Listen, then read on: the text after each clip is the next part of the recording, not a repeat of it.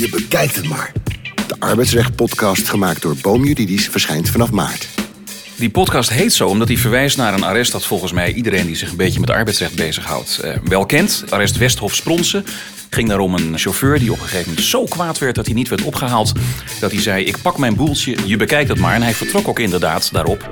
Elke twee weken praten we hierbij. Alle actualiteiten in het arbeidsrecht komen voorbij. Belangrijke uitspraken en brandende kwesties. Maar de werknemer heeft ook enigszins verwijtbaar gehandeld. Mag dat dan leiden tot ontslag of niet? Minister Koolmees heeft in ieder geval eh, vrij recent gezegd dat hij met deze wijzigingen van het arbeidsrecht echt de turbo erop wil zetten. Dus de, er is goede hoop dat we in september van dit jaar al wat wetsvoorstellen kunnen zien. Kijk, ondernemers willen ondernemen. Die willen zich niet te veel bezighouden met randzaken als dossier bijhouden voor een eventueel ontslag. Blijf op de hoogte van alle actualiteiten in het arbeidsrecht met Je bekijkt het maar. Gemaakt door Boom Juridisch.